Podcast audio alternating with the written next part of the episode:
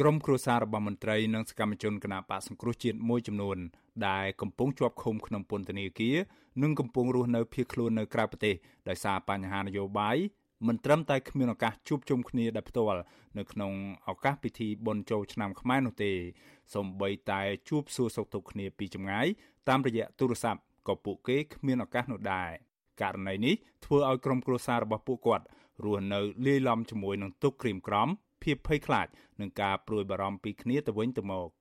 ប្រពន្ធរបស់សកម្មជនគណៈបកសង្គ្រោះជាតិនៅខេត្តស្វាយរៀងលោកយឹមសារ៉េតគឺលោកស្រីអុកចន្ទធីរៀបរាប់ថាគ្រួសាររបស់លោកស្រីឈឺចាប់ក្រៀមក្រំមិនបានជួបជុំនិងមិនបានធ្វើបុណ្យរួមគ្នា នៅក្នុងឱកាសបុណ្យចូលឆ្នាំចំនួន2ដងមកហើយដោយសារតែអាជ្ញាធររដ្ឋាភិបាលបានចាប់ប្តីរបស់លោកស្រីដាក់ឃុំនៅក្នុងពន្ធនាគារព្រៃសរ ទាំងអយុធធរចាប់តាំងពីចុងខែមីនាឆ្នាំ2020មកលោកស្រីបន្តថាពិធីបុណ្យចូលឆ្នាំខ្មែរនៅឆ្នាំនេះក្រុមគ្រួសាររបស់លោកស្រី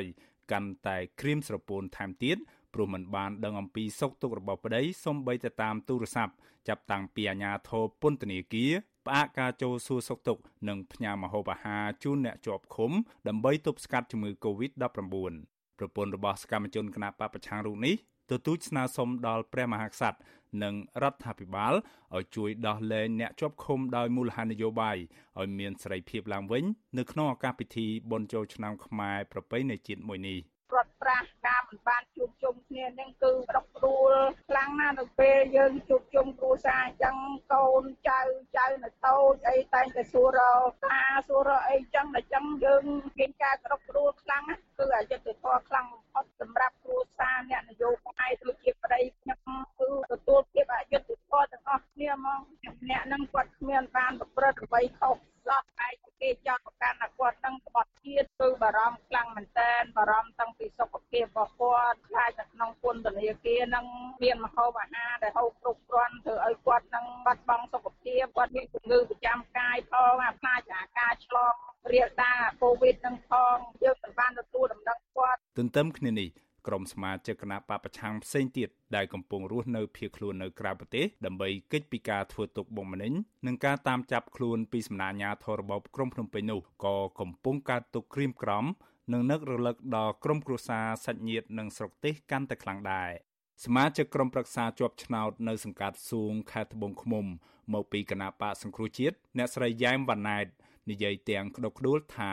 ក្នុងរដូវបុណ្យចូលឆ្នាំនេះអ្នកស្រីពិតជាមានអារម្មណ៍ស្ងេះស្ងោចខ្លោចផ្សាខ្លាំងបំផុតដែលគ្រួសាររបស់អ្នកស្រីត្រូវរស់នៅបែកបាក់គ្នាដោយឪពុកកំពុងជាប់ឃុំនៅក្នុងពន្ធនាគារខណៈអ្នកស្រីកំពុងរស់នៅភៀសខ្លួននៅឯប្រទេសម៉ាឡេស៊ីអររយៈពេល7ឆ្នាំមកហើយព្រោះតែរឿងនយោបាយ អ្នកស្រីឲ្យដឹងថាអ្នកស្រីមិនអាចវិលត្រឡប់ចូលប្រទេសកម្ពុជាបានវិញនោះទេ ពីព្រោះតឡាការខេត្តត្បូងឃ្មុំ បានកាត់ទោសកំបាំងមុខឲ្យអ្នកស្រីជាប់ពន្ធនាគាររយៈពេល7ឆ្នាំ ដោយចោទពីបទរួមគំនិតក្បត់ពាក់ព័ន្ធនឹងការបង្ហោះសារគាំទ្រដំណើរមាតុភូមិនិវត្តរបស់លោកសំរងស៊ីកាលពីចុងឆ្នាំ2019កន្លងទៅទោះជាយ៉ាងណាអ្នកស្រីបន្តថាអ្វីដែលអ្នកស្រីខ្លោចចិត្តខ្លាំងបំផុតនៅពេលនេះគឺនឹកអាណិតដល់ឪពុក គឺលោកអ៊ុំយេតដែលមានវ័យ68ឆ្នាំទៅហើយដែលជាសមាជិកគណៈបពប្រឆាំងនៅក្នុងក្រុងសួង ហើយត្រូវបានអាជ្ញាធររបបក្រុងភ្នំពេញចាប់ឃុំខ្លួន នៅក្នុងពន្ធនាគារមាត់ឃ្មុំខេត្តត្បូងឃ្មុំអស់រយៈពេលប្រមាណ4ខែមកហើយអ្នកស្រីថាចាប់តាំងពីការផ្ទុះជំងឺ Covid-19 ចូលក្នុងសហគមន៍ជាលើកទី3មកក្រុមគ្រួសាររបស់អ្នកស្រីមិនបានដឹងអំពីសុខទុក្ខរបស់ឪពុកនោះទេ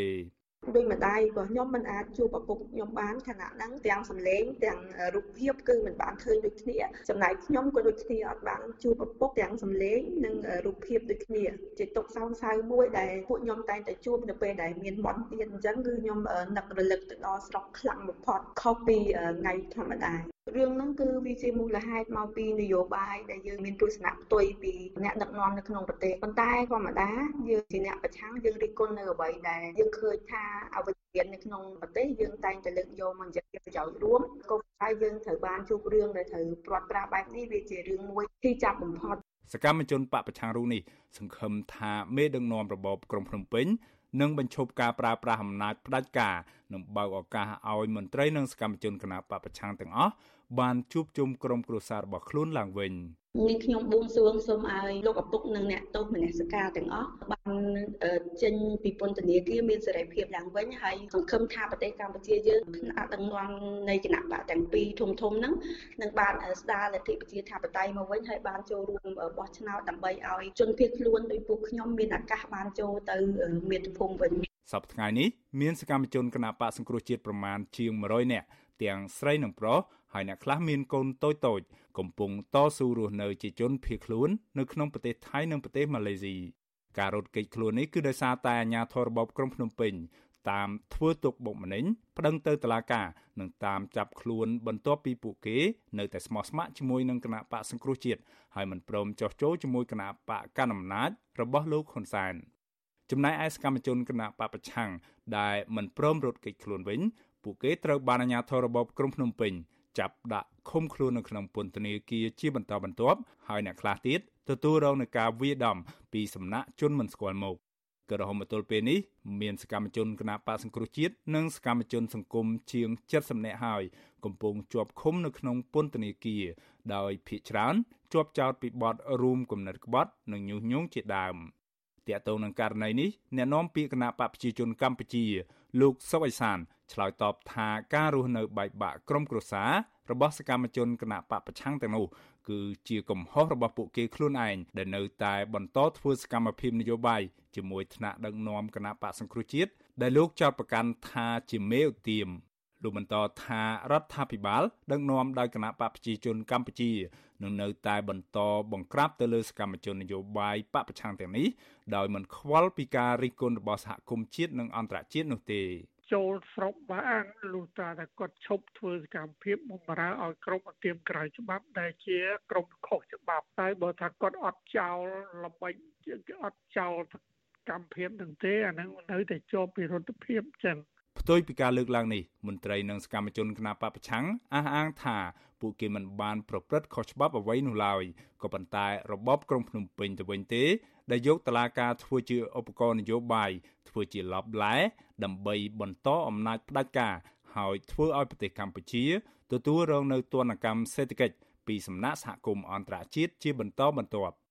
អ្នកនាំពាក្យសមាគមការពារសិទ្ធិមនុស្សអាត់ហុក លោកសង្សានករណាថ្លែងថាសកម្មភាពរបស់សកម្មជនគណបកសង្គ្រោះជាតិកាលពីពេលកន្លងមកនេះគឺជាការអនុវត្តនៅសិទ្ធិសេរីភាពជាមូលដ្ឋានរបស់ពួកគេដែលធានាដោយរដ្ឋធម្មនុញ្ញក៏ប៉ុន្តែលោកសោកស្ដាយដែលការចូលរួមកិច្ចការនយោបាយនៅកម្ពុជាคล้ายទៅជាពាក្យស្លោកថាជារឿងស្លាប់រស់រត់ចោលស្រុកនិងជាប់គុកច្រវាក់ទៅវិញលោកចាត់ទុកថាការលើកឡើងរបស់អ្នកនាំពាក្យគណៈបកកណ្ដាលអំណាច គឺជារឿងមិនត្រឹមត្រូវនោះទេនិងជាការគេចវេះពីការទទួលខុសត្រូវនៅក្នុងការបិទលំហប្រជាធិបតេយ្យនិងការរំលោភសិទ្ធិមនុស្សលោកស្នើសុំឲ្យគណៈបកកណ្ដាលអំណាចបន្ទន់អេរយាប័តដោះស្រាយចំនួននយោបាយជាមួយគណៈបកសង្គ្រោះជាតិឡើងវិញនៅក្នុងឱកាសបុណ្យចូលឆ្នាំថ្មី ដើម្បីផ្សះផ្សាជាតិនិងធ្វើឲ្យពលរដ្ឋខ្មែរគ្រប់និន្នាការនយោបាយទាំងអស់រស់នៅជាមួយគ្នាបានដោយសុខដុមរមនា រឿងទាំងអស់នេះយើងយល់ថាវាជាបញ្ហានយោបាយអញ្ចឹងដំណោះស្រាយទាំងអស់ហ្នឹងយើងមិនចង់ឃើញប្រើនៅវិធានផ្លូវច្បាប់ទេគណៈបកកណ្ដាលអំណាចដែលមានអធិបុលក្នុងការដោះស្រាយបញ្ហាវិវាទនយោបាយសូមមានការកែប្រែនៅពាក្យពេចន៍ពាក្យស្លោកទាំងអស់ហ្នឹងធ្វើឲ្យអ្នកដែលចូលរួមក្នុងរឿងនយោបាយហ្នឹងឲ្យពួកគាត់បញ្ឈប់ការភ័យខ្លាចដោយបើកសិទ្ធិសេរីភាពរបស់ពួកគាត់ធ្វើយ៉ាងណាផ្ដល់ឱកាសឲ្យពួកគាត់បានធ្វើនយោបាយឲ្យសមស្របសង្គមលទ្ធិវិជាតបតៃពិតប្រាកដហើយផ្ដល់សិទ្ធិសេរីភាពឲ្យពួកគាត់មានឱកាសក្នុងការជួបជុំក្រុមគ្រួសារកុំឲ្យមានការបែកបាក់ក្រុមអង្គការជាតិនិងអន្តរជាតិជាច្រើនស្ថាប័ន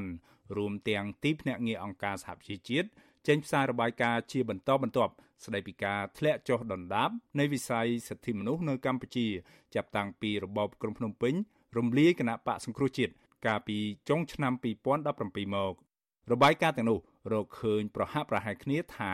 អាញាធររបបក្រុងភ្នំពេញបន្តចាប់ខ្លួនសមាជិកបកប្រឆាំងនិងសកម្មជន សង្គមឥតលហែនិងចោទប្រកាន់ដោយគ្មានមូលដ្ឋាននឹងការបកស្រាយច្បាប់តាមទំនឹងចិត្តដើម្បីបំបិតសិទ្ធិសេរីភាពជាមូលដ្ឋានរបស់ពលរដ្ឋពួកគេអំពាវនាវជារឿយៗឲ្យរបបក្រុងភ្នំពេញប្រគល់មកវិញនៅសេរីភាពជូនសកម្មជននយោបាយនិងសកម្មជន សង្គមឡើងវិញបើពុំនោះសោតទេក្រមប្រទេសលោកខាងលិច នឹងពង្រីកទណ្ឌកម្មបន្ថែមទៀតដែលក្នុងនោះក៏រួមមានទណ្ឌកម្មលើមន្ត្រីក្រាក់ក្រាក់នៃរបបក្រុងភ្នំពេញជាលក្ខណៈបុគ្គលផងដែរខ្ញុំបាទមេរិតអាស៊ីស្រីរាយការណ៍ពីរដ្ឋធានី Washington